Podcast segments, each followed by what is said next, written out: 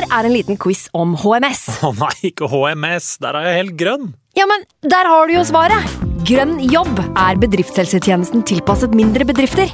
Våre HMS-eksperter hjelper mer enn 8000 bedrifter over hele Norge med alt fra lovpålagte HMS-krav til pålegg fra Arbeidstilsynet. Få på plass bedriftshelsetjeneste på grønnjobb.no.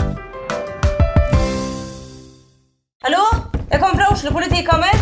Ine Jansen er purk. Er du purk? The motherfucking bitch. Alt jeg vil, er å finne ut hva som skjedde med mannen min. Jon Carew. Er jeg sikta for noe? Iben Akeli. Det er du. Ole So, Lars Berrum og Big Daddy Karsten. Hvem sin side er du på, egentlig? Anette Hoff, Tone Danielsen, Kommer du fra Afrika? Jørnis Josef, Nesten. Kløfta. Trond Espen Seim, Det er synd å si det, men det var feil mann som døde. Purk. Premiere tirsdag på TV2 Play. I can't believe it. Football, bloody hell.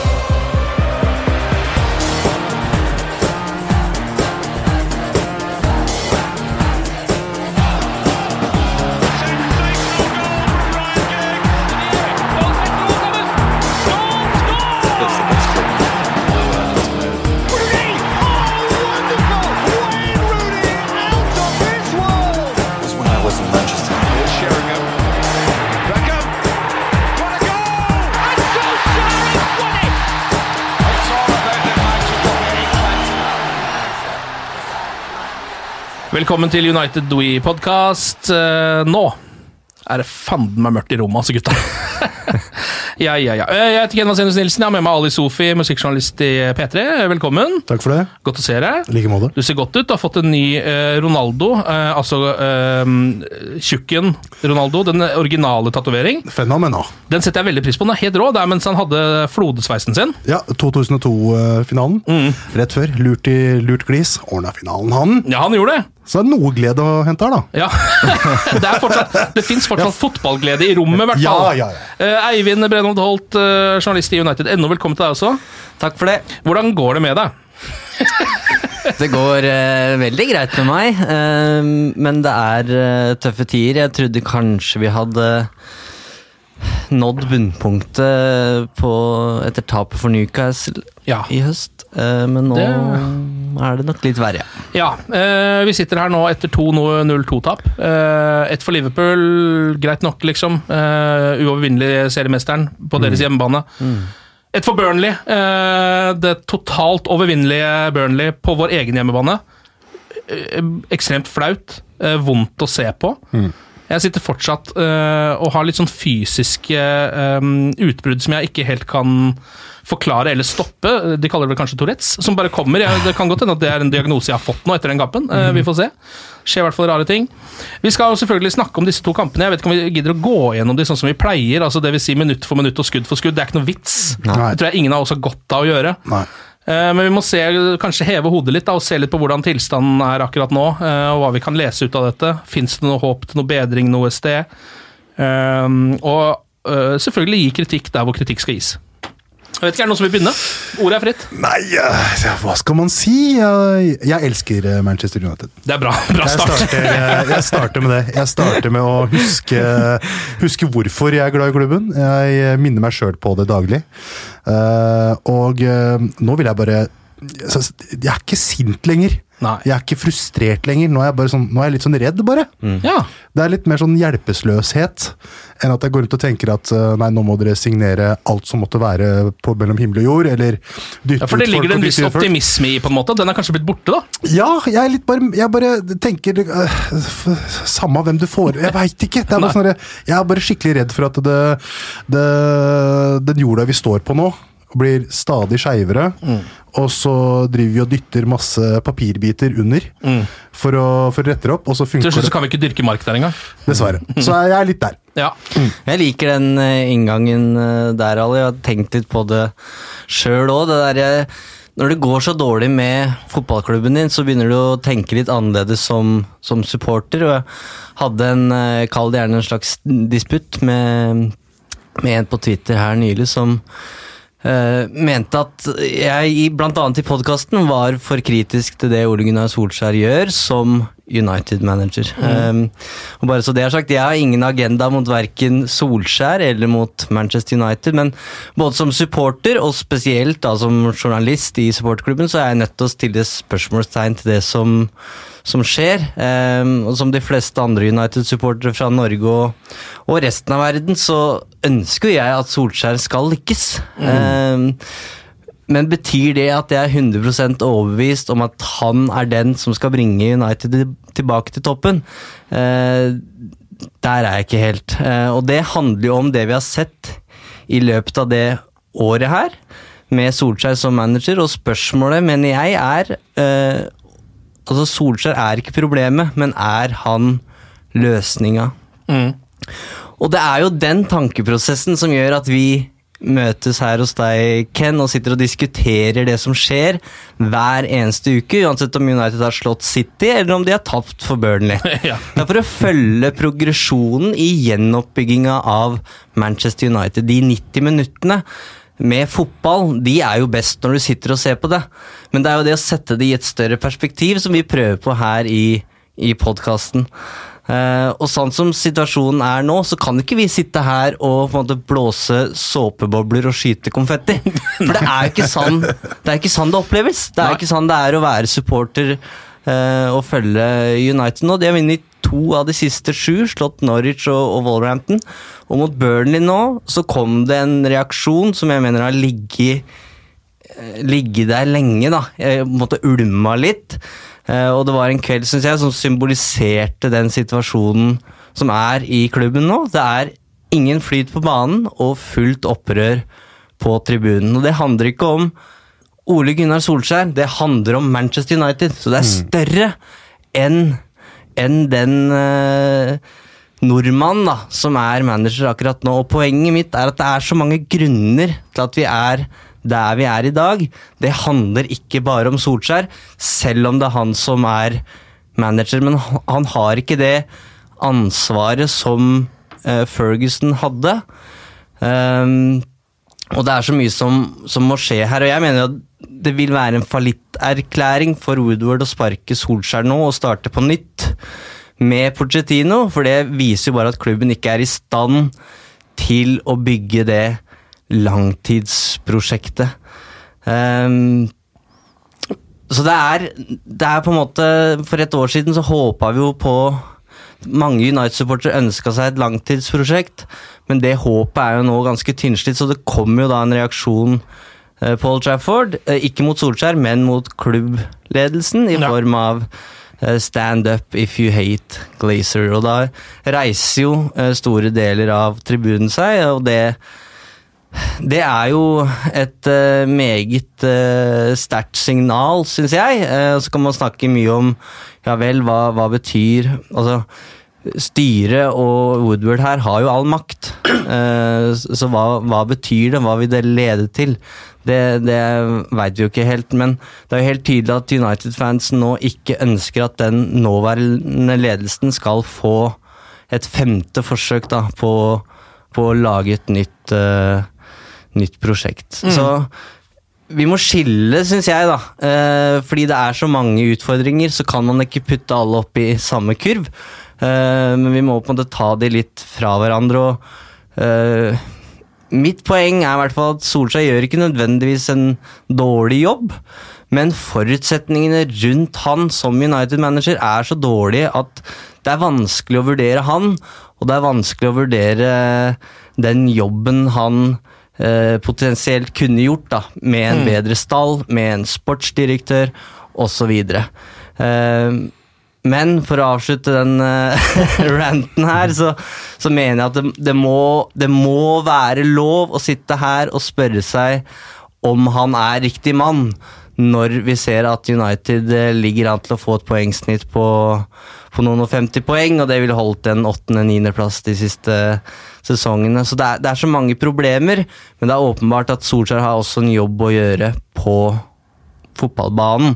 Så Hvis, hvis Ja. ikke du hadde stilt uh, spørsmål ved Ole Gunnar Solskjær uh, sin jobb som manager etter det vi ser uh, ut på den banen hver gang United spiller, så hadde du ikke gjort jobben din. Da måtte du fått sparken, synes Ja, jeg, som journalist. Fordi det er Hva skal du da Da, ja, da, du enten, da må du være cheerleader, da. Det er noen andre som skal gjøre den jobben. Jeg føler du, Din jobb ligger jo kanskje litt og vaker imellom to stoler på en eller annen måte, men hvis ikke du hadde stilt de spørsmålene, så er det ikke noe vits at du jobber der. Takk for jeg, eh, støtten, Ken. Vi skal ikke snakke om min rolle, men det handler om det derre Det er som Det er eh, den derre eh, Hva skal jeg si Balansen mellom realisme og håp, da. Der, Mm. der er en, en eh, det, Prøve å finne en gyllen middelvei der, det tror jeg vi skal klare sammen. Vi skal prøve å svare på noen av de spørsmålene som du eh, indirekte stiller. eh, Ja, nå kommer fasiten. Ja, nå kommer fasiten sånn etter hvert. For det her er jo også det som United-sportere rundt omkring i landet lurer på. Vi har fått inn ganske mye spørsmål via sosiale medier og tenker egentlig å bruke ganske mye av den podkasten her på det. Fint. Eh, men først så må vi gjøre det som vi, som vi på en måte har tvunget oss selv til å gjøre gjennom alle kampene United spiller, og det er å kåre de beste spillerne til United. Så vi skal gjøre det i de to kampene her, Liverpool-matchen eh, og Burnley-kampen. Eh, kan begynne med Liverpool, da. Husker dere noen som uh, sto fram som ok i den kampen? Jeg syns Nemanja Matic både var eh, på Ja. sitt beste og aller verste eh, i den kampen. Matic har hatt noen gode kamper nå. Ja, noen år etter, De siste par-tre ukene har han vært helt decent. Ja. Han, var det, han var decent i går, før det var kollapsen kom halvtime før slutt. Ja, Eh, så han ville ha kanskje egentlig vært lagets beste. Nesten. På en måte. Jeg syns han har vært ålreit, i hvert fall. Mm. Eh, er det noen andre som bør komme opp Jeg vil trekke fram Digea. Aldri Ja. sett han så forbanna før. eh, og sto på en måte bedre etter det. Kanskje han burde bli Jeg skjønner at han ble så forbanna ja. også. Jeg syns det er litt irriterende faktisk at, eh, at man prøver at eh, på en måte FA da prøver å gjøre spillerne til roboter, ved at det ikke er lov Mm. til å faktisk vise engasjement og reagere på såpass eh, graverende feil som det Mm. der var. Det syns jeg er litt irriterende. Det må være lov å kjefte litt. Grann. Det er Mm. greit nok, Han skal ikke gå bort og legge hånd på dommeren eller eh, skjelle han ut, eller noe sånt, men litt sånn hva i alle dager? Det der er jo forbanna frispark. Mm. Må det være lov å kunne rope, syns jeg. Jeg vil også trekke fram, apropos håp, um, Brandon Williams. Ja. Jeg syns han overrasker. Han er et sånn uforutsigbart element i et ellers forutsigbart lag. Ja. Uh, og han gjør det, det som er egentlig moderne fotball. Han bryter opp spillet med å skjære inn uh, skrått og lage ubalanse. Eh, han er liksom Han har blitt favorittspilleren min nå, de Ja, månedene. Det sier jo litt, selvfølgelig, men han er jo også Ja. totalt uredd da, til å være så ung. Det er det som er gøy med han. Han er ikke Altså, han, han Litt spiller sint òg. Ja, litt sur, liksom. Litt sånn som en bekk skal være. da Aggressiv, litt sint, uredd. Han har jo nummer 53 på ryggen. Har vi snakka om her hvorfor han har det? Nei? det? Det er fordi han, eh, da han var liten, så tok han buss nummer 53 hjem. Ok. Rett og slett. Jeg liker det. Ja, ja, Så stødig. Shout out to the 53 bus! Digga den ruta, altså. Nydelig rute. Ja, er det noen andre etter, eller fra Liverpool-kampen som bør trekkes fram, eller skal vi bare dele ut poeng? Har dere nok folk å jobbe med her, liksom? Luke Shaw må nevnes. Han kom Ja, jo inn ja. igjen og spilte en slags midtstopperrolle, og gjorde det bra, syns jeg. Han gjorde det. Han var god i, midt, i akkurat den rollen. Kledde han faktisk litt, merkelig nok. Den tredje midtstopperrollen, liksom. Bisakka har vært ålreit. Ja. Han var bra mot Burnley. Var Ja, veldig han bra, var synes jeg. Eller veldig bra, så bra som han kunne være i en sånn kamp. Ikke sant? Uh, men det, ja, det er nok de, Ja. vi nevner der nå. Hvem uh, Har dere lyst til å bli enige om Uh, tre poeng, to poeng, ett poeng etter Liverpool-kampen? Så kan vi ta Burnley etterpå. Jeg syns Matic skal være ganske høyt oppe. Ja, Jeg gir han tre. ja ok. Eh, hva tenker du, Eivind? Eh, jeg tror jeg eh, stiller meg bak det. Ja, Mm. To poeng, da. Er Luke Shaw eh, aktuell, da? Jeg, eller? jeg syns også Fred må nevnes. Jeg, da. Ja, ja. Han var også bra og og fikk en ny opptur på Anfield, så kanskje to poeng til han. Ja, men Det kan jeg være enig i. Han var en av de som var banens, eller altså ikke banens kanskje, men i hvert fall Uniteds beste. Etter Williams, eller? Ja, ok. Den er god. Eh, da er det eh, Matic, faktisk. Litt sånn overraskende, kanskje, som stikker av med United beste. Men han har gjort gode ting, du ser det. Han, han drar fram eh, gamle kunstner når han klarer å vende Ja. av seg to mann og finne rom etter det. Ja. Det er gode, gamle Matic for fire sesonger siden. Ja, og Så mister han også ballen fordi han er så treg. Tre-fire ganger der i farlige posisjoner, men sånn er det nå en gang. Mm. Burnley, da. Eh, jeg vil jo ta fram Van Bissaka ganske fort. Han Ja. Eh, har jo taklingene sine defensivt, og så uh, Fikk han et par innlegg. Ja, men nå var, hadde han, han hadde veldig god innleggskvalitet mot Burnley. Det var vel tre innlegg Jeg tror, eh, jeg tror Beckham har vært innom. Ja, han har det. Vir- Virka nesten sånn. Han hadde jo tre innlegg som faktisk var helt perfekte. Den ene så tryner vel Martial, så vidt jeg kan huske. Mm. eh, andre, og et som lander på hodet til James, som ikke er noen hodespiller, men som Cristiano Ronaldo hadde skåret på, for å si det sånn.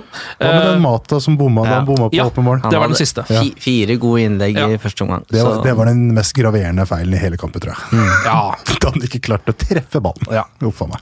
Ja, ok, er det noen andre som var Phil? Jones må trekkes fram. Ja, Han faktisk. Jeg, altså, Ja. For det ser jo ikke bra ut når United taper 2-0 for Burnley, men det er jo en match som passer han. Altså Burnley-angrepet med Wood Ja. på topp der er jo ikke noe De byr ikke på tempoproblemer for Jones. Så han fikk heade og takle og styre på, og da er han god, han. Ja. Så han gjorde egentlig ikke så mange feil i går. De var det faktisk eh, Maguire som sto for. Ja. Eh, så jeg ville gitt to poeng til Jones hvis det er Van Bissaka som, som skal få tre. ja. Mm. Jeg er med på det. Ok, da er det bare ett poeng igjen. da. Da er det ett poeng igjen. Eh, Fred syns jeg var uh, grei Ja. igjen. Jeg er enig. Eh, Gjorde ikke noe store feil og prøvde seg på Men litt liksom- greier, men Jeg klarer ikke å trekke fram noen offensive spillere. Nei, det, det, det, det- det, det, det der skorta det veldig. Ja, Fred, er Men Fred jeg sier greit så kunne faktisk Jeg kunne gitt det til Mason Greenwood kun basert på det Berbatov-touchet han har når han blir ja. dratt i pakken. ja, når han blir felt der, ja. Det var jo litt pent. ja skal vi gjøre det? eller? Det er gøy å gi noe til Ja. litt finesse, da. Ja, til håpet. Ja, til håpet. Vi gir det til håpet. Vi gir det til framtiden. Ett poeng til Mason Greenwood. Deilig. Ok, uh, Vi skal ta en del spørsmål nå fra uh, folk, United-fans, på sosiale medier. Tenker Vi kan starte med de tingene som eh, foregår på banen, og så kan vi ta det som foregår utenfor banen etterpå, for det er kanskje flest av de spørsmålene. Eh, vi kan begynne med et spørsmål fra Stian Heimark. eh, som er en gjenganger i dette programmet. Det spørsmålet er Hvorfor klarer laget aldri å ta vare på muligheten de får til å kneppe inn på topp fire? Uh, han skriver at dette her skjer jo hele tiden, ikke bare denne sesongen, men også på slutten av forrige. Nei, det er, eh, det er eh, merkverdig. Ja. Da kunne det altså vært tre poeng opp til Chelsea, som da møter Leicester i neste runde. Og det er jo rart med tanke på den sesongen man har hatt, men det illustrerer jo også at det er andre lag som uh, sliter. Da, da, nei, da United tapte for Liverpool, så tapte jo også alle de andre laga Ja. i topp fire. De gjorde det. Stemmer. Unnskyld. Så Nei, men Å komme med noen forklaring på det er jo vanskelig, men jeg har jo tidligere sagt det her, og at det er et eller annet med den kollektive selvtilliten til Manchester United som er så tynnslitt. da. Den er, og det skal så lite til. altså De kan ha fem gode minutter, som mot Liverpool. For å bruke den som et eksempel. da. Det er en god innledning. Det er jo, United styrer jo faktisk de fem første minuttene, og så er det i hvert fall jevnt uh, litt utover. Men de, de Og det er jo det mot Burnley også. Altså, de, de angriper, da. driver jo og angriper og prøver Ja. å finne en vei gjennom der. Og så på Anfield så får du da dødballmål imot, og så bare kollapser det. Ja. Altså sånn ut av intet på en måte, da. Ja, Liverpool scorer, og, og det påvirker selvfølgelig moralen, men, men det er sånn rullegardin ned, altså. Ja. Og det må de jo bare jobbe med, og den enkleste løsninga på det er jo å få at de lederne på banen må stå fram. Eh, og der har jo Harry Maguire en jobb å gjøre nå som han er utnevnt da, som fastkaptein. Ja. Ja, fordi hvem er egentlig de lederne til Manchester United? Det er jo litt vanskelig å finne de. Matic er jo litt sånn når han spiller, på en måte. Uh, bare i uh, kraft av ja, rutinen hans og sånne ting. Største lederen for United akkurat nå er Brandon Williams. Ja, det er jo nesten det, men jeg Det er jo liksom ingen han andre som står like godt fram som han. Som Nei. vi eh, spiller med, med hjertet utapå drakta, eller utapå ermet, eller hva det. Men altså, grunnen til at United taper kamper, eh, altså de mister det, det er jo det er jo sånn det er når det er eh, motgang. Man klarer ikke å holde ut. Man klarer ikke å, å treffe når det, når det gjelder. Nei. Og det er jo symptomatisk for eh, klubber og egentlig all idrett. Når, når, når, når det er motgang, så går ikke marginene til din favør. Så det er jo det vi opplever nå. Det er liksom hvor, Ja, det er det det, er det, det går i. Ja, og så er det jo, jeg føler at det er liksom forskjellige faktorer som spiller inn hver eneste gang United havner i den situasjonen her, der hvor de har vunnet et par kamper, og så har de plutselig eh, litt sånn heng på topp fire, og så går de på en smell. Nå er det jo uh, skader, er jo, det er jo ikke noe tvil om det. At det er akkurat nå, når de har liksom Rashford spesielt akkurat nå, da, fordi Pogba og McTominay har vært ute lenge. Ja. Uh, så har jo det mye å si, men det er jo uh, men det er på en måte Det er forskjellige ting hver gang. Da. Det går liksom ikke an å sette fingeren på noe. En gang så er det skader, en annen gang så så er det rene tabber. Mm. En tredje gang så er det ja, Det er helt umulig, liksom. ja. Det er null flyt, og det er eh, Ja, du må på en måte skape din egen flyt, tenker jeg innimellom. da. Du kan ikke ha du har på en måte ikke dagen hver eneste gang. Nei. Så da må du jobbe inn de seirene. da. Der, der er de bare ikke, altså. Det er bare å jobbe litt altså, ja, Det er på det, nesten på det, det basale nivå. Liksom, sånn derre- når, når det går ekstra øh, dårlig, hva gjør du da? Da løper du litt hardere, takler litt uh, sterkere. Du posisjonerer deg Du prøver å tenke et halvsekund litt kjappere. Det liksom, men det ligger ikke der, ikke sant? Fordi, fordi flyten er borte, og selvtilliten er borte. Ja. Og da har man ikke, selv om, selv om de måtte være kapabel til å, å yte litt ekstra de siste fem minutter, second wind, liksom, så kommer det ikke, fordi selvtilliten er borte. Nei?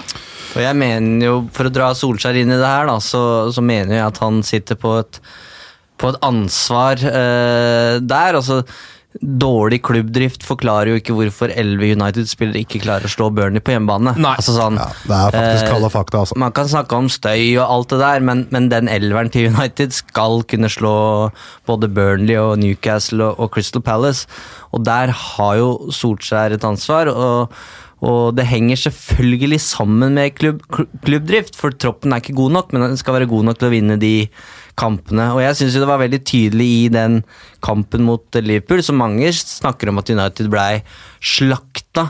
Jeg syns det ikke var et så stort nederlag som mange skal ha det til. Det synes ikke jeg. ja. Det var et dødballmål og en, en kontring på overtid, og så ja, Liverpool har masse sjanser som de skulle ha skåra på, men, eh, men hvis man skal begynne å telle sann, så, så blir det så veldig hvis og dersom. Så, Ja. Um, men det er det der kollektive presset da, som Solskjær har forsøkt å innføre, og som skiller synes jeg, Solskjær-prosjektet fra Fangal og Mourinho spesielt. Da.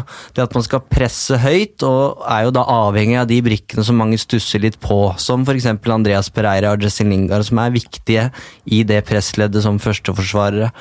Eh, Men de er jo ikke i nærheten av å ha et lignende, kall det pressystem, som det Liverpool og Klopp har. Se hvordan de varierer og justerer presshøyde og intensitet gjennom en hel match. Du ser det når United presser de høyt på Anfield, så begynner de å slå langt, og de er presise crossere, og de får jo rom et eller annet sted på banen. Men Liverpool er så gode at de klarer å finne det rommet, mens United har jo ikke klart å innarbeide det presset på, på samme måte. Og så handler det bare kjapt om, om de om de eh, om, om det derre spillmønsteret i angrep som United heller ikke har klart å etablere. da, Hvor bekkene til Liverpool er veldig, veldig viktige der som playmakere, mens hvem er det som bringer ballen inn i farlige rom i Manchester United? Er det Fred? Er det Matic? Er det Pereira? Nei. Det er Paul Pogba som gjør det. Og Ja. ifølge statistikken så var det nummer to bak Pogba det er Ashley Young, som er han som har bidratt mest som en slags playmaker. Og det er så Det belyser problemet ganske bra. Nå er du inne på det som eh, Martin Haugsnes eh, spør om her. Hvor er den offensive planen? Det har vi også uh, snakka mye om. Han skriver også mange eh, skader, latterlige eiere, bla, bla, bla, men det er ingen plan. Og det er jeg helt enig i. Det er jo det du var innom, eh, Eivind, at her er det problemer på mikro- og på makronivå. Ja, altså, Jeg var ganske skuffa i går da, da Greenwood ikke starta. Jeg tenkte her var en uh, god anledning for han å kunne vise ordentlig fram, og han har jo vist enorme tendenser Absolutt. når han er på banen. så er, Han er jo, sakte sagt det til det kjedsommelige her, men uh, en naturlig mål, målskårer. Han vet hvor kassa er, rett og slett. Så der Han skyter. Det er det veldig få andre som gjør. Ikke sant? Så det er de, disposisjonene der som er litt sånn merkelige. Altså. Sånn der, du ser at fyren er, er i medvind. Da spiller du han, da. Men så går, det, går han til Martial, som kommer fra et par svake kamper i utgangspunktet, og gir han nok en sjanse sånn sett. Så det er noe med de der tøffe valgene. Martial kunne også spilt, bare satt han ute til venstre. For, Rashford spilte jo ikke denne For eksempel. Så, så mm, ja, det, det, fordi Greenwood er jo en spiller som kan avgjøre ting litt på egen hånd. Mm. Ikke sant? Sånn der, de der matchvinnerne. Og det hadde vært perfekt å fått inn han eh, nå. Så jeg veit ikke om han har begrunnet hvorfor han ikke starta engang, men Nei, eh, det der var ganske skuffende. altså. Ja. Ehm, det er jo, altså, uh, En ting som jeg selv har reagert på ofte når jeg ser United spille, er at det virker som at de Og nå må jeg bare si det, jeg har uh, verken grunnkurs eller noe mer enn det innenfor manageryrket, men um, det virker som United veldig ofte kommer, til, uh, kommer seg inn i boksen på kant. Gjerne ved en back, eller kanskje til og med ved Rashford eller Martial eller noe lignende. Men det er altså nesten aldri noen inni femmeteren når de slår inn. Så er det så lett å klarere. Der står det bare en burnerstopper der, du bare pælmer ballen unna, og så Der kom Marcial inn! Oi, ja, fire sekunder etterpå. Jeg bare syns det er litt merkelig, fordi når du så åpenbart har på en måte en Altså Planen virker jo til å være at de skal komme seg i de posisjonene der. da Så må de jo på en måte også ta det siste steget. Da må det jo være noen der inne som kan få ballen også. Ja, Det ser lekkert ut til det avgjørende punktet. Ja, så er det sånn, å ja, nå skal Brendan Williams smelle den ballen lavt inn i feltet, eller Van Bissaka, eller noe sånt, og så gjør de det, og så er det egentlig ikke så verst innlegg heller, men det er jo ingen der inne. Det er jo ikke noe poeng. Og sånn var det jo da Romelu Lukaku var spiss også. Det Ja. var akkurat det samme. Han Ja, fikk jo ingenting å jobbe med, selv om det var hans store styrke. Ja, ja, Vi må tilbake til Zlatan liksom, for å ha noen som faktisk var inne i den forbanna boksen. da. Det er veldig rart, altså. Eh, nå skriver også Andreas Norgård Han svarer da Martin Haugsnes på liksom den kritikken om de offensive planene at når verken Louis van Hall eller Mourinho har klart å lære disse spillerne offensive mønster, hvordan skal Solskjær klare det da? Som jo er nok et poeng. Jeg er enig med alle her, jeg. Det er det som er. Ja, altså Man skulle jo tro at uh, OGS har, uh, no, uh, kan, kan det med offensiv fotball, da. Mm. Ut ifra karrieren sin. Og, og, og sånn sett så har han jo hjulpet Rashford veldig, da. Ja, det, det- det har han definitivt. ja. Eh, Rashford har vokst enormt under Solskjær. Og det er, eh, det er, det er fordi jeg tror Solskjær rett og slett har tilegna litt ekstra tid til han, liksom. Ja, og ikke minst gitt han helt vilt mye ansvar da, eh, og Ja. muligheter til å spille. Ja. Men eh, foruten det så sliter jeg med å se det mønsteret. Ja. Mm. Det er et spørsmål der også på keeperplass. Det har også kommet litt flere og flere av de. Fordi David Gea er jo ikke lenger så selvskreven i det målet som han en gang har vært. Morten Edvardsen som lurer på om det er på tide at Romero faktisk tar plassen som førstekeeper. For han mener at De Hea rett og slett ikke er god nok i feltet. Men mot Burnley gjorde han vel ingen feil. Nei. Nei, men du Han- så det var litt skummelt i feltet der òg, Ja. et par ganger. Jeg syns ikke feltarbeidet til DG er nok til å liksom felle han Nei. som United-keeper, fordi det er noe med den autoriteten han har opparbeida seg, selv om det har blitt noen feil nå de siste åra, som gjør at man Jeg tror det United-forsvaret fortsatt stoler mer på DG enn på Sergio Romero, da. Ja.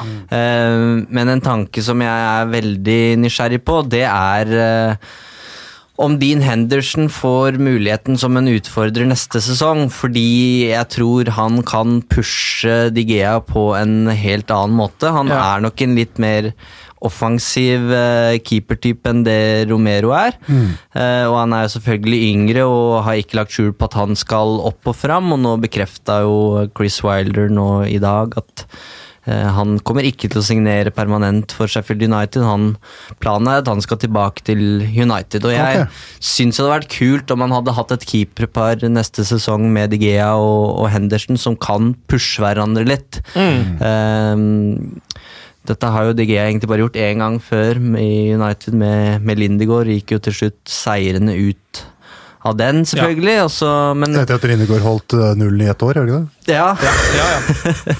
så ble han skada. Men eh, nei, det, det er noe jeg kunne, kunne ville vært spent på. Er jo en av Premier Leagues beste keepere i år, eh, Dean Henderson. Ja, han er helt enorm. Helt enorm, helt enorm. Det kunne vært spennende, det. Men vi kan ikke begynne å avskrive David De Gea. Altså. Nei, jeg- jeg det, det, er helt uaktuelt. Han er den, eh, den beste Ja. keeperen jeg har sett, liksom. Ja, jeg er helt enig. Han har gjort noen eh, helt altså, alvorlige feil de siste to årene. Da. Det har han noen Mm. få av de. Eh, og noen av de har kommet til klaser som gjør at det framstår enda verre enn det kanskje er. Ja.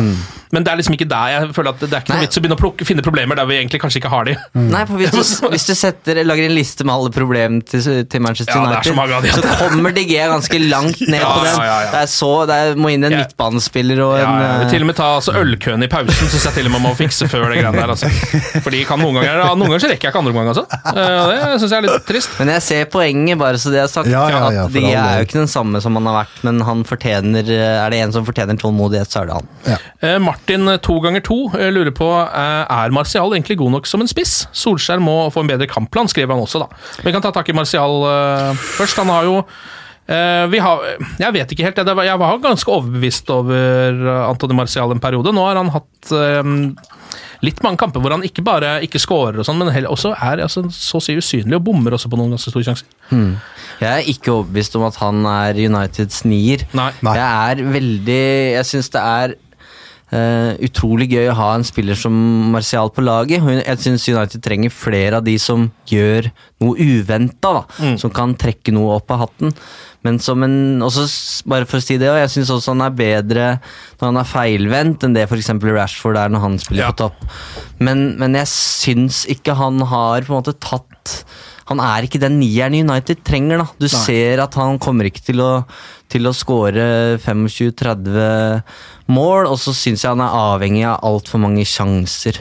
Hadde han scora på Anfield eh, Nå skal vi ikke snakke om de der scenarioene, men ikke sant? han over, kan altså. ikke brenne de, og, og mot Burnley også skulle han hatt eh, scoring, da, så Jeg synes nesten det verste mot Burnley, bare for å ta det med en gang, var det, han, eh, det er et sted der hvor jeg husker ikke hvem som hopper over ballen, om det er Daniel James eller noe, eh, og så er Martial egentlig på en måte på blank, men med en forsvarer som liksom higer litt etter han da.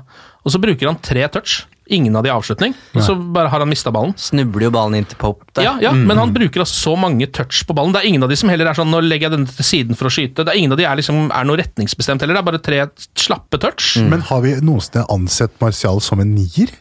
Noen Altså- gang, egentlig?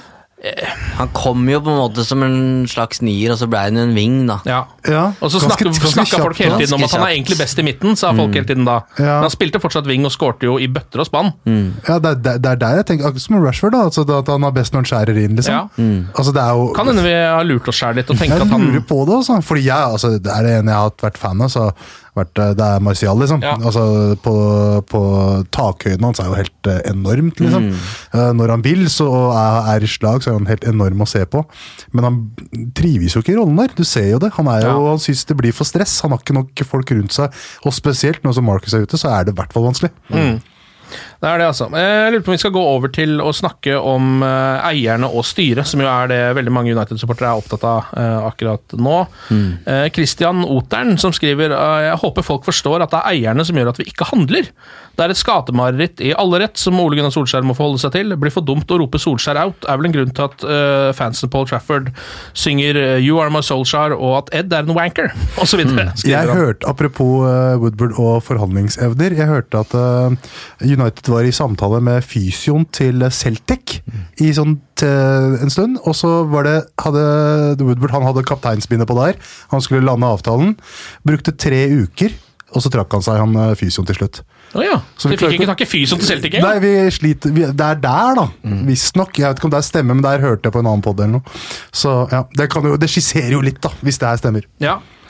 Ja, og hele, for å ta et um, dagsaktuelt tema, da. Bruno Fernandes, eh, som mange United-supportere har lyst på, og som mener at eh, altså United har ikke råd til å ikke, ikke signere den. Eh, men i sommer så var det jo snakk om Bruno Fernandes hele sommeren, og United de brifa konstant om at de var ikke interessert. Det her var bare oppspinn, og det gikk visstnok så langt at de nesten eh, tok kontakt med Sporting for å gi beskjed om at nå må dere slutte å koble oss til den spilleren her. Ehm, og da så er det mange forskjellige rapporter, da, men han var sannsynligvis tilgjengelig for en billigere penge da enn det han er nå i januar. Og det også tyder jo på en måte Det er liksom et dårlig eh, Jeg syns personlig at det er helt greit at de nå går for Bruno Fernandes fordi det er skader på Pogba og McTominay, og det er usikkerhet rundt om Pogba noen gang kommer til å spille igjen.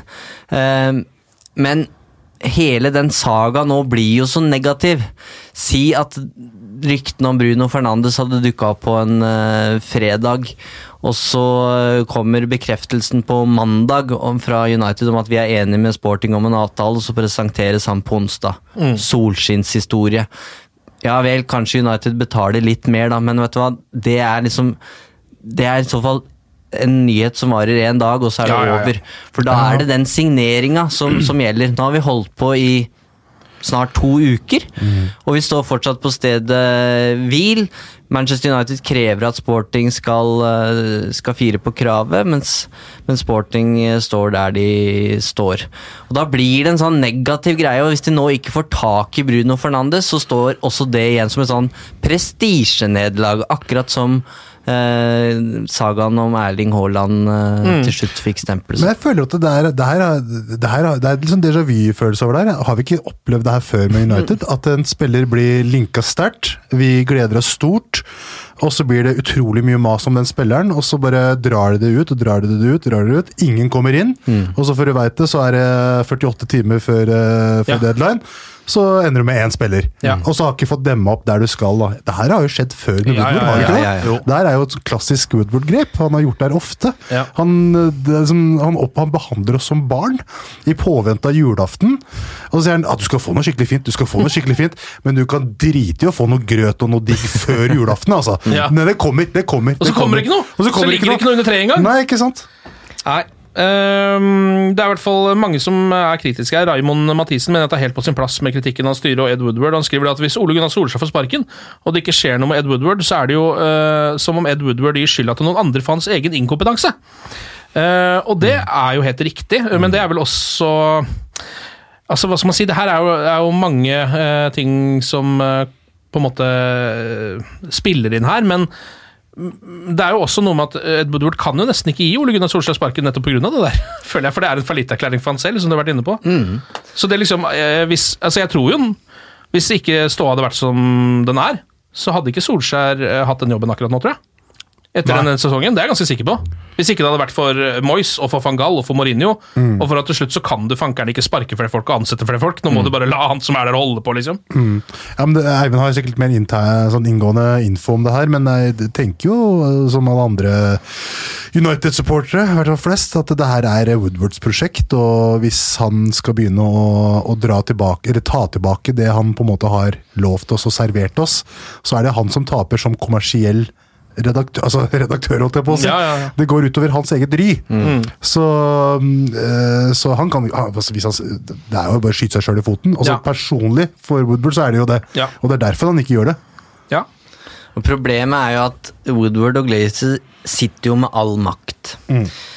Eh, litt stygt sagt så kan United-fansen skrike så høyt de vil, men det har jo ikke noe å si hvis ikke de bryr seg. Og Det så vi jo med Greenwood. Så lenge ikke tribunene blir tomme. Og det ja, blir ja, det nok kan ikke. du si, og det blir det ikke, for det Nei. står andre klare. Det er så mye Eh, nordmenn og folk fra Kina som skal inn på den stadionet uansett. Så det, Hundrevis av nordmenn eh, Ja. som står klare. vi kunne jo fylt den med- stadion med bare nordmenn, det er jo ikke noe tvil om det. Så det er jo, Ja, ja. ja. Vi så det jo med Green and Gold-kampanjen, som var veldig populær og på en måte nådde sitt klimaks da David Beckham tok skjerfet på, på Old Trafford.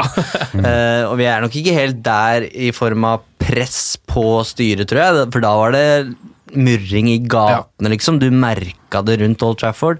Um, Og hele Old Trafford var, var også green and gold i hele den perioden. Det var få røde drakter der, altså. Men hva, uh, hva skjedde? Jo, den døde jo på en måte Ja. ut, og uh, all honnør til uh, Ian Stirling som satte i gang det, den kampanjen.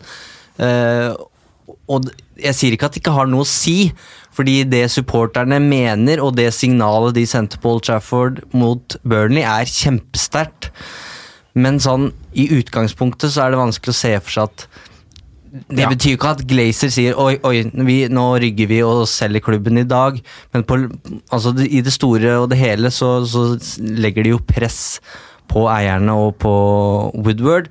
Og hvis vi skal se på det sånn i dag og den, de neste ti dagene, da, så kan det jo bety at de skjønner at her må vi faktisk få inn noen før vinduet stenger, for nå er presset så Men jeg har ikke sett eh, Trafford så tomt som det var det siste kvarteret som i går. altså. Nei. Det Har det noensinne vært så tomt? Det kan ikke ha vært mer enn 15 000 igjen på stadion der? Nei. Det har vel, jeg har vel sett noen kamper i type ligacupen hvor det har vært litt den type stemning mot et Ja. eller annet Rochdale-aktig lag, men nei, det der var eh, Det var jo en ren protest, eh, blanda med resultatet i kampen, selvfølgelig. Ja. Som gjorde at folk rett og slett bare stakk, og de som var igjen, satt bare og slang dritt. Det var ikke spesielt, det var litt sånn giftig stemning. Eller stemning folk som hadde langt, reist langt, langveis ifra og bare Nei, jeg skal ha valuta for Ja, jeg skal i hvert fall se ferdig kampen, liksom. Eh, Men det er, det, er bare, det er jo så vanskelig å vite hvor man skal begynne når vi skal snakke om eh, Når vi skal snakke om United-fansens misnøye og det som skjedde da på, på Old Trafford mot Burnley. For det, det er så mange problemer. Eh, og så kan du si at sånn i bunn og grunn så handler det jo eh, altså Det mest konkrete å ta tak i er å se på laget og si det laget er ikke godt nok. Ja. Men så er det litt rart òg, fordi etter sommerens overgangsvindu så tenkte jo de fleste sånn Ja, jo, ok, tre Mm. forsterkninger. Eh, hadde jo trengt en midtbanespiller, men ja, og kanskje en. Lukaku-erstatter, liksom. Ja. Ja. Men sånn i ettertid nå, så er det akkurat det som du er inne på der, da, Ken. Ander Herrera ut, ingen erstatter inn. Romelu Lukaku ut, ingen erstatter inn. Og det har jo blitt eh, et så vanvittig dyrt eh, En dyr feil da, som de nå betaler for, med skader, skader på tre nøkkelspillere der. Eh, og så Personlig så syns jeg det var fornuftig å ikke på en måte gjøre noen desperate signeringer mot slutten av sommeren. De prøvde seg på Eriksen, han ville ikke, greit, da, da kommer du ikke. Samme med Dybala, ville ikke, greit, du blir værende.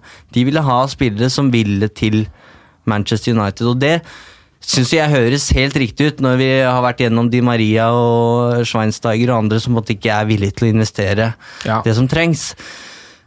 Men da har det jo blitt en veldig tung sesong, og som vi sa i høst, skal vi sitte her og vente på 2020 Altså 2021-sesongen eh, allerede liksom før vi har runda nyttår. Ja. Det blir jo det blir noen tunge måneder, og det er det vi på en måte nå ser ser eh, konsekvensen av. Da.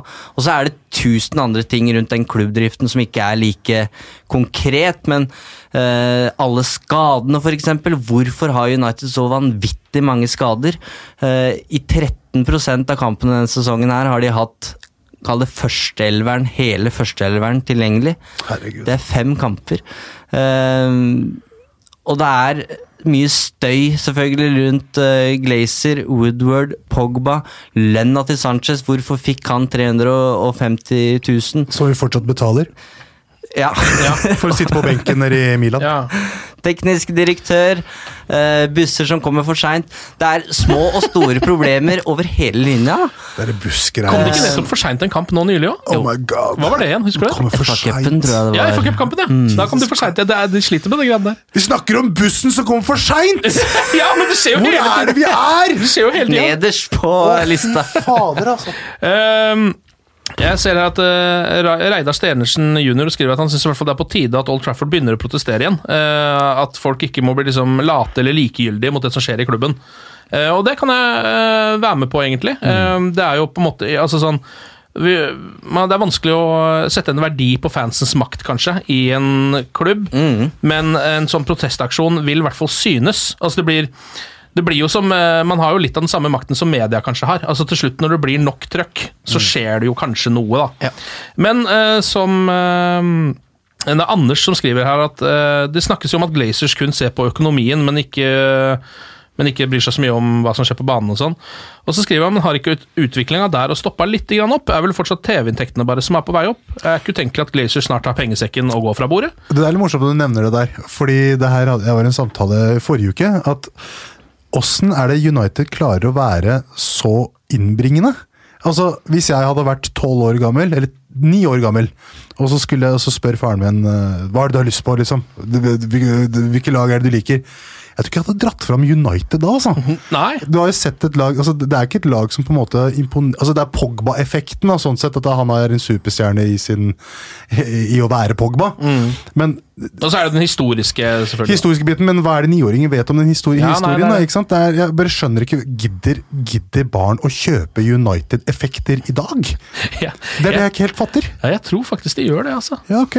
Jeg ser jo United-drakter overalt hele tiden Ja. også. Så er jo det Asiamarkedet, da, for all del, men, men det bare virker så fjernt. Men det er jo det som er kanskje er, er litt sånn paradoksalt her, at det er vel sånn øh, Jeg tror nesten det eneste som gjør at glaciers Glazers kommer til å gå, er øh, at det slutter å komme inn penger, fordi det går altså sportslig så dritt som det gjør akkurat nå. Ja, det og derfor så kan det hende at disse to tingene Ja, på en måte jobber med hverandre, da. Ja, ja. Ja, jeg tenker at det må få konsekvenser på et tidspunkt. Nå kom det jo en sånn eh, oversikt nylig fra Deloitte eh, med oversikt over inntekter, og der har United ligget øverst de siste 23 åra. Men nå kommer jo da Liverpool og City Altså de har ligget øverst av de engelske laga. Nå Ja. kommer Liverpool og City som et skudd. Ja, ikke sant? Og det er jo bare å forvente, tenker jeg, med tanke på de sportslige resultatene. Når vi først er inne på økonomien, så er det Kenneth som lurer på er Man, er Man United blakk, eller blakke, eh, skriver han. Ole Gunnar Solskjær går ut og sier at Young ikke skal selges før noen kommer inn. Seks dager seinere er han ute. I sommer sa han at Lukaku forsvinner ikke før noen kommer inn. Kort tid seinere var han borte. Fins det penger til å hente spillere? Ja, det gjør det. Ja. Eh, men det handler om Når Solskjær snakker om det, så er det ikke av økonomiske hensyn. Det handler om eh, at han ville hatt en erstatter for Lukaku, og, og ja, Young som også forsvinner. Men eh, de vil nok ikke ha spillere som ikke vil være der heller. Eh, og det har jo en del av den oppbygginga her i, United handler jo like mye om å bli kvitt de som ikke skal være med. For de sitter jo på så lukrative eh, kontrakter at det er jo enkelte som, som er umulig å, å få ut av klubben. Um, så jeg tror det handler ikke om uh, midler. Uh, I hvert fall til det jeg har lest, så, så var det midler flere midler tilgjengelig i, i sommer, også i januar. Men de er veldig opptatt av at det skal være den riktige spilleren. da. Ja.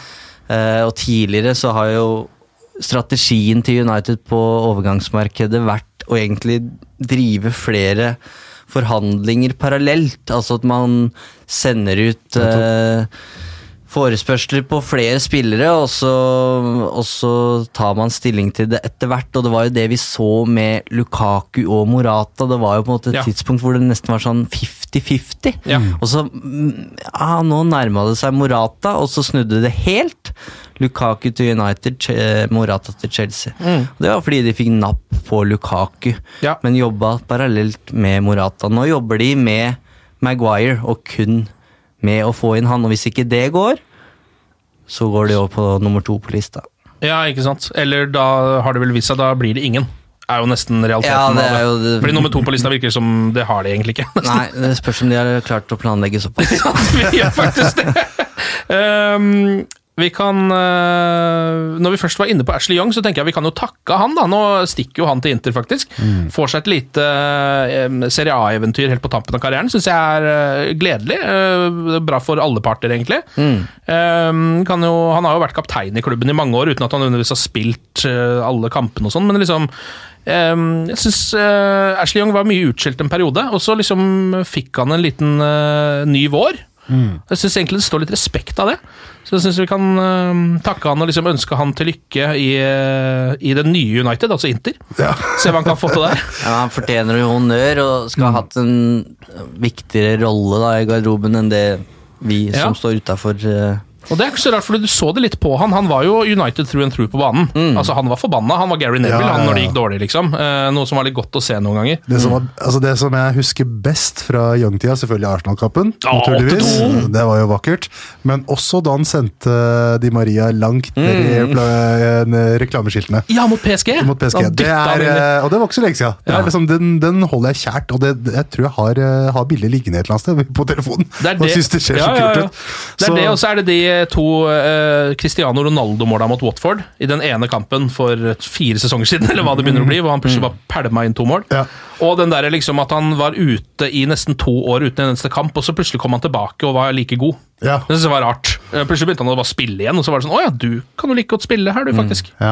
Men det er litt sånn trist avskjed, har jeg skjønt. Han øh, gikk fra treningsfeltet og Ja, hvorfor jo? Hva skjedde der? Er ville ikke som- spille. og Hva, hva var greia der? Det var snakk om at eh, han hadde gått til Solskjær og sagt at han eh, ville til Inter, og fikk jo tilbud av United om en ettårskontrakt. Det var han eh, ikke interessert i, og han fikk tilbud om to av Inter. Det sa jo Solskjær at det var ikke de forberedt på å, på å gi han.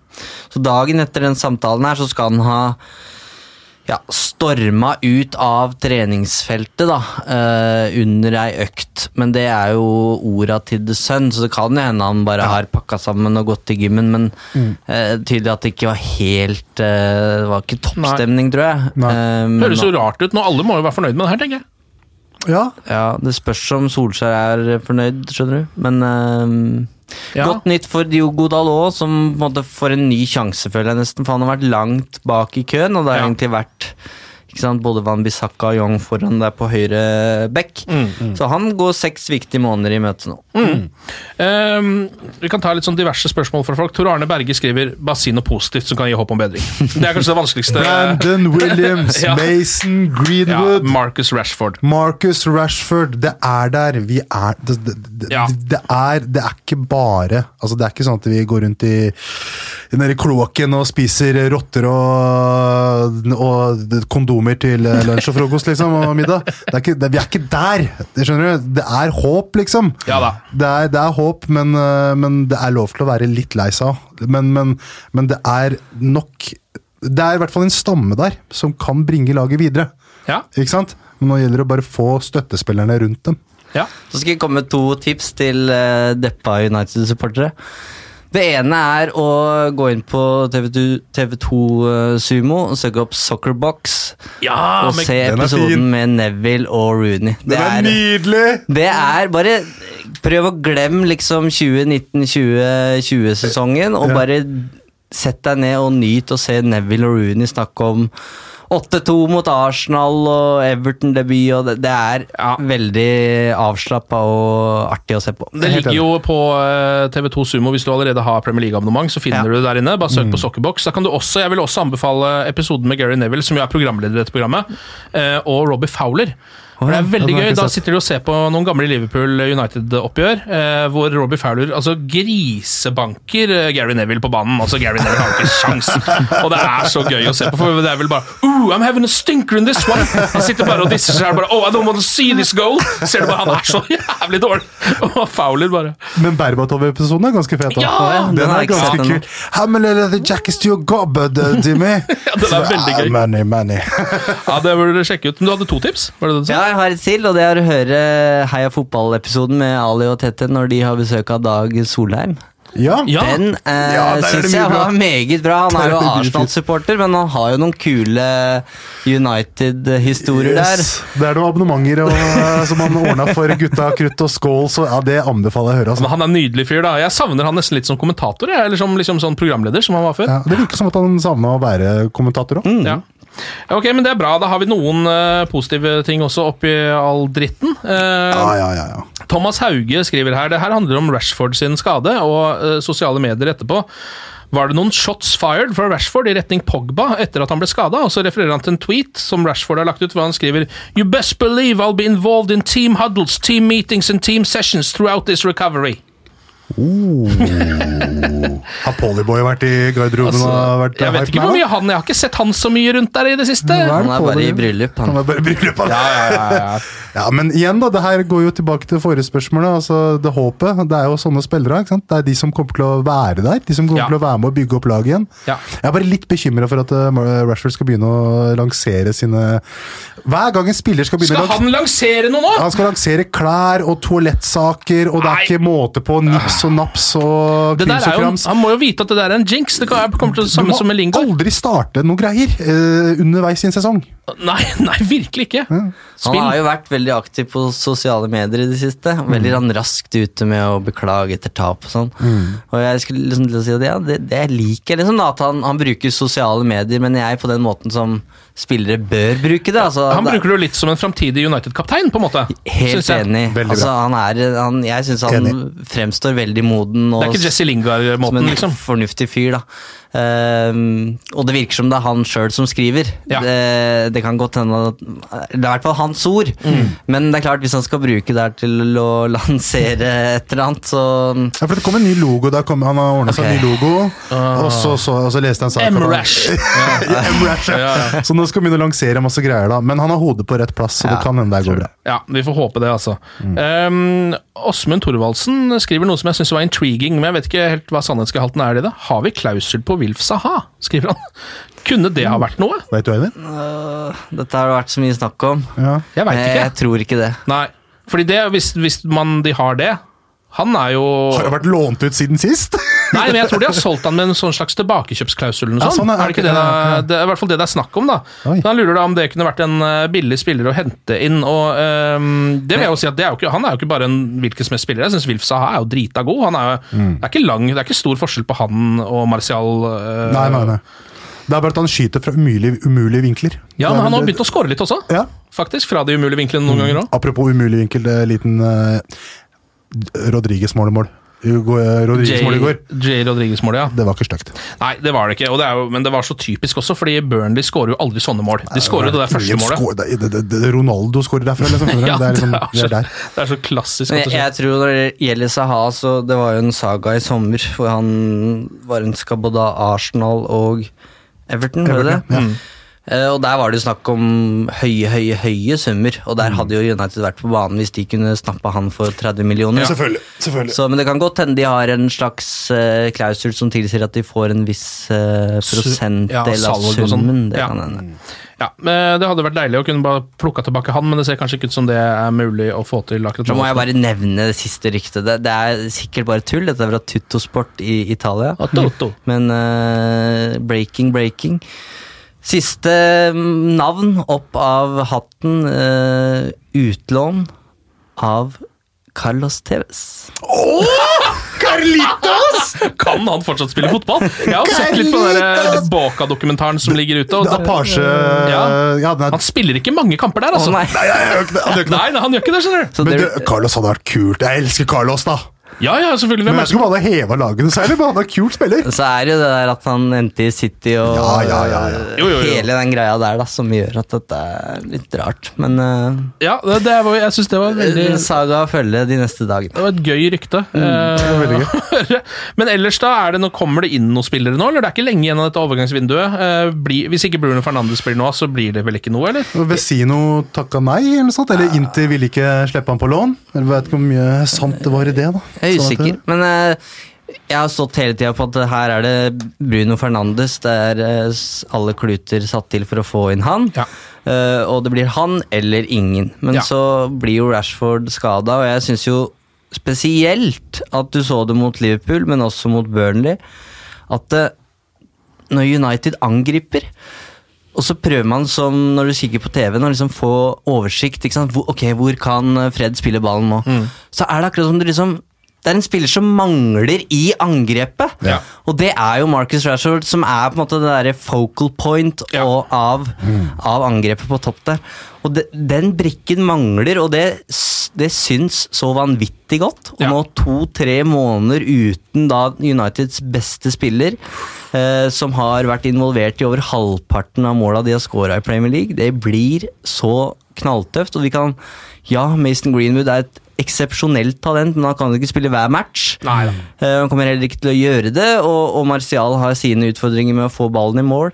Så nå virker det jo som, og Solskjær sa jo at de, de, han skjønner at de trenger forsterkninger. Eh, men nå dras det jo med det her, mellom det her, da, for skal de skal de nå gå for en eller annen spiss som kan være en del av det langtidsprosjektet her?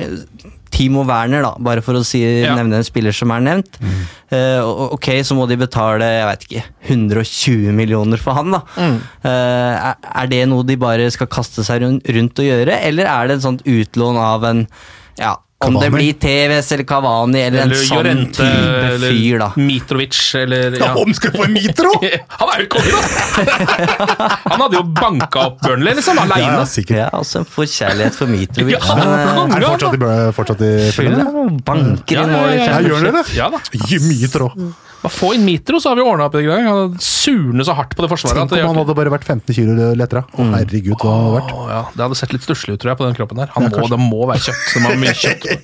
Men jeg tror de får inn Bruno Fernandes, da. jeg tror det? Jeg tror det. Jeg begynner å miste Um, litt det håpet, bare fordi jeg ser det der surret som er nå, og at det skal være så steile fronter i denne liksom nå, i forhandlingene, syns jeg er rart. Men han har jo satt seg skikkelig Han er jo skikkelig tverr mot klubben sin nå, er han ikke det? Han har sier- vært veldig lojal. Da Han har vært Ja. bo- på vei bort flere ganger og har tatt lønnskutt i den klubben og, og vært veldig, ja. veldig lojal mot sporting. Så, men uh, han uh, Det virker som at han nå forsvinner i januar eller i sommer.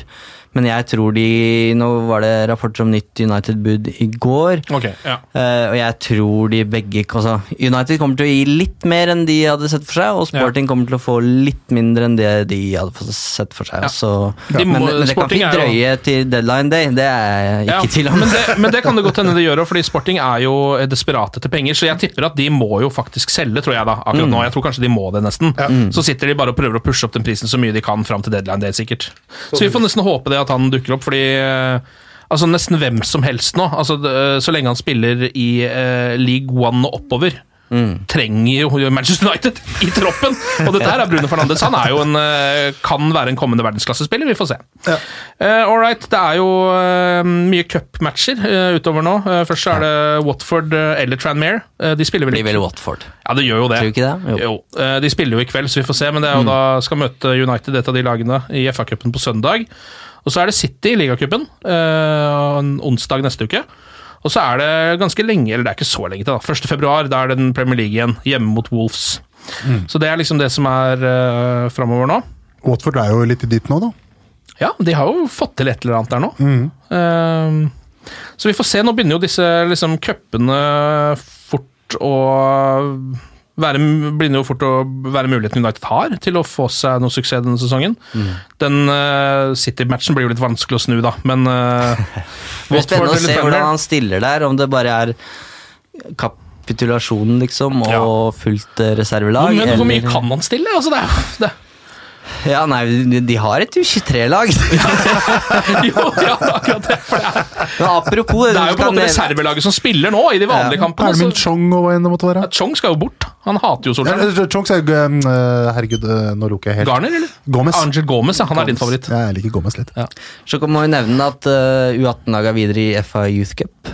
Ja, Skal møte uh, Norwich 2-0. Han uh, Hannibal Merperi ja. Han er rå, da. Ja, bra han franskmann. Ja. Han uh, var god i, igjen. Uh, han er jo meget spennende. Mm. Uh, og så er det en midtstopper der som var, som var god. De møtte Leeds i kvartfinalen, er vel det, tror jeg. Ja. Får håpe de går et stykke, da, så det framtiden, eh, framtiden som er bak den framtiden vi har nå, er også er lys. Det hadde vært litt ålreit. Ok, eh, Ali eh, og Eivind, hvis ikke det er noe dere vil eh, si helt på tampen, så vil jeg bare takke dere for innsatsen. Bra jobba. Ja, like måte. Eh, lykke til med framtiden. Eh, husk å ringe ut ulike telefonnummer hvis dere sliter med noe, osv. osv. Takk for meg. Glory, glory.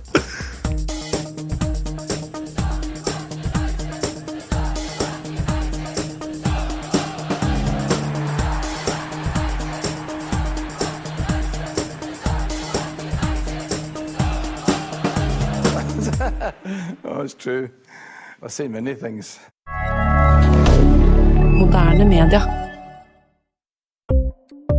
Ukens annonsør det er matkasseleverandøren Hello Fresh. Der kan du velge mellom 25 ulike oppskrifter hver uke, eller få Hello Fresh til å sette sammen en meny for deg. Jeg sparer tid på å handle, oppskriftene er veldig enkle å lage, og så får jeg akkurat det jeg trenger da, til hver eneste rett, så jeg slipper å kaste så mye mat som jeg vanligvis gjør. Det er også litt deilig å faktisk slippe å gå på butikken, ikke bare fordi det er tidkrevende og sånn, men fordi man ender opp med å kjøpe så mye greier som man egentlig ikke trenger, sånn som fire poser eh, Smash og en kick med havsalt, eksempel. Det er ikke det du egentlig er der for, du er der for å kjøpe, kjøpe middag. Så det er en veldig eh, kjekk ting. I tillegg så er det jo eh, ferdigporsjonerte ingredienser, det blir mindre matsvinn, og du betaler bare for det du faktisk trenger, og det du faktisk da spiser. I tillegg så blir det da levert på døra til et eh, fastsatt tidspunkt, sånn at du kan få det akkurat når det passer for deg eh, sjæl. Hvis HelloFresh høres ut som noe for deg, så har jeg en rabattkode du kan bruke også. Gå inn på hellofresh.no og bruk koden HelloUnited24. HelloUnited i ett ord, også 24, og få opptil 1779 kroner i rabatt på de fem første matkassene dine hvis du ikke har prøvd Hello Fresh ennå. Du kan også bruke koden hvis du tidligere har vært kunde, men har stoppa abonnementet ditt for tolv måneder siden eller mer. Det er ingen bindingstid, og du kan pause eller avslutte abonnementet ditt akkurat når du selv måtte ønske. Husk koden HelloUnited24, og bon appétit! Ukens annonsør er Folio, en smartere banktjeneste for deg som har en egen bedrift eller ønsker å starte for deg selv. Folio er en superenkel nettbank for bedrifter. Som kunde i Folio får du en bedriftskonto med et bedriftskort og app. I denne appen er det smarte løsninger som forenkler regnskapet ditt, uansett om du har en liten bedrift eller et enkeltpersonsforetak. Folio er både intuitivt og brukervennlig, og er laget med et enkelt språk. I tillegg tilbyr de forutsigbare priser og ingen skjulte gebyrer. Skulle du likevel trenge det, så kan du snakke med deres raske og hyggelige kundeservice, og der får du prate med en faktisk person og ikke en chatbot. Folio er med andre ord både enklere og koseligere enn banken. Over 10 000 bedrifter har allerede valgt Folio som sin banktjeneste, så besøk folio.no og se hvordan Folio kan forenkle din hverdag også. Har du et enkeltpersonforetak eller en liten bedrift? Da er du sikkert lei av å høre meg snakke om hvor enkelt det er med kvitteringer og bilag i fiken, så vi eh, gir oss her, vi. Fordi vi liker enkelt. Fiken superenkelt regnskap.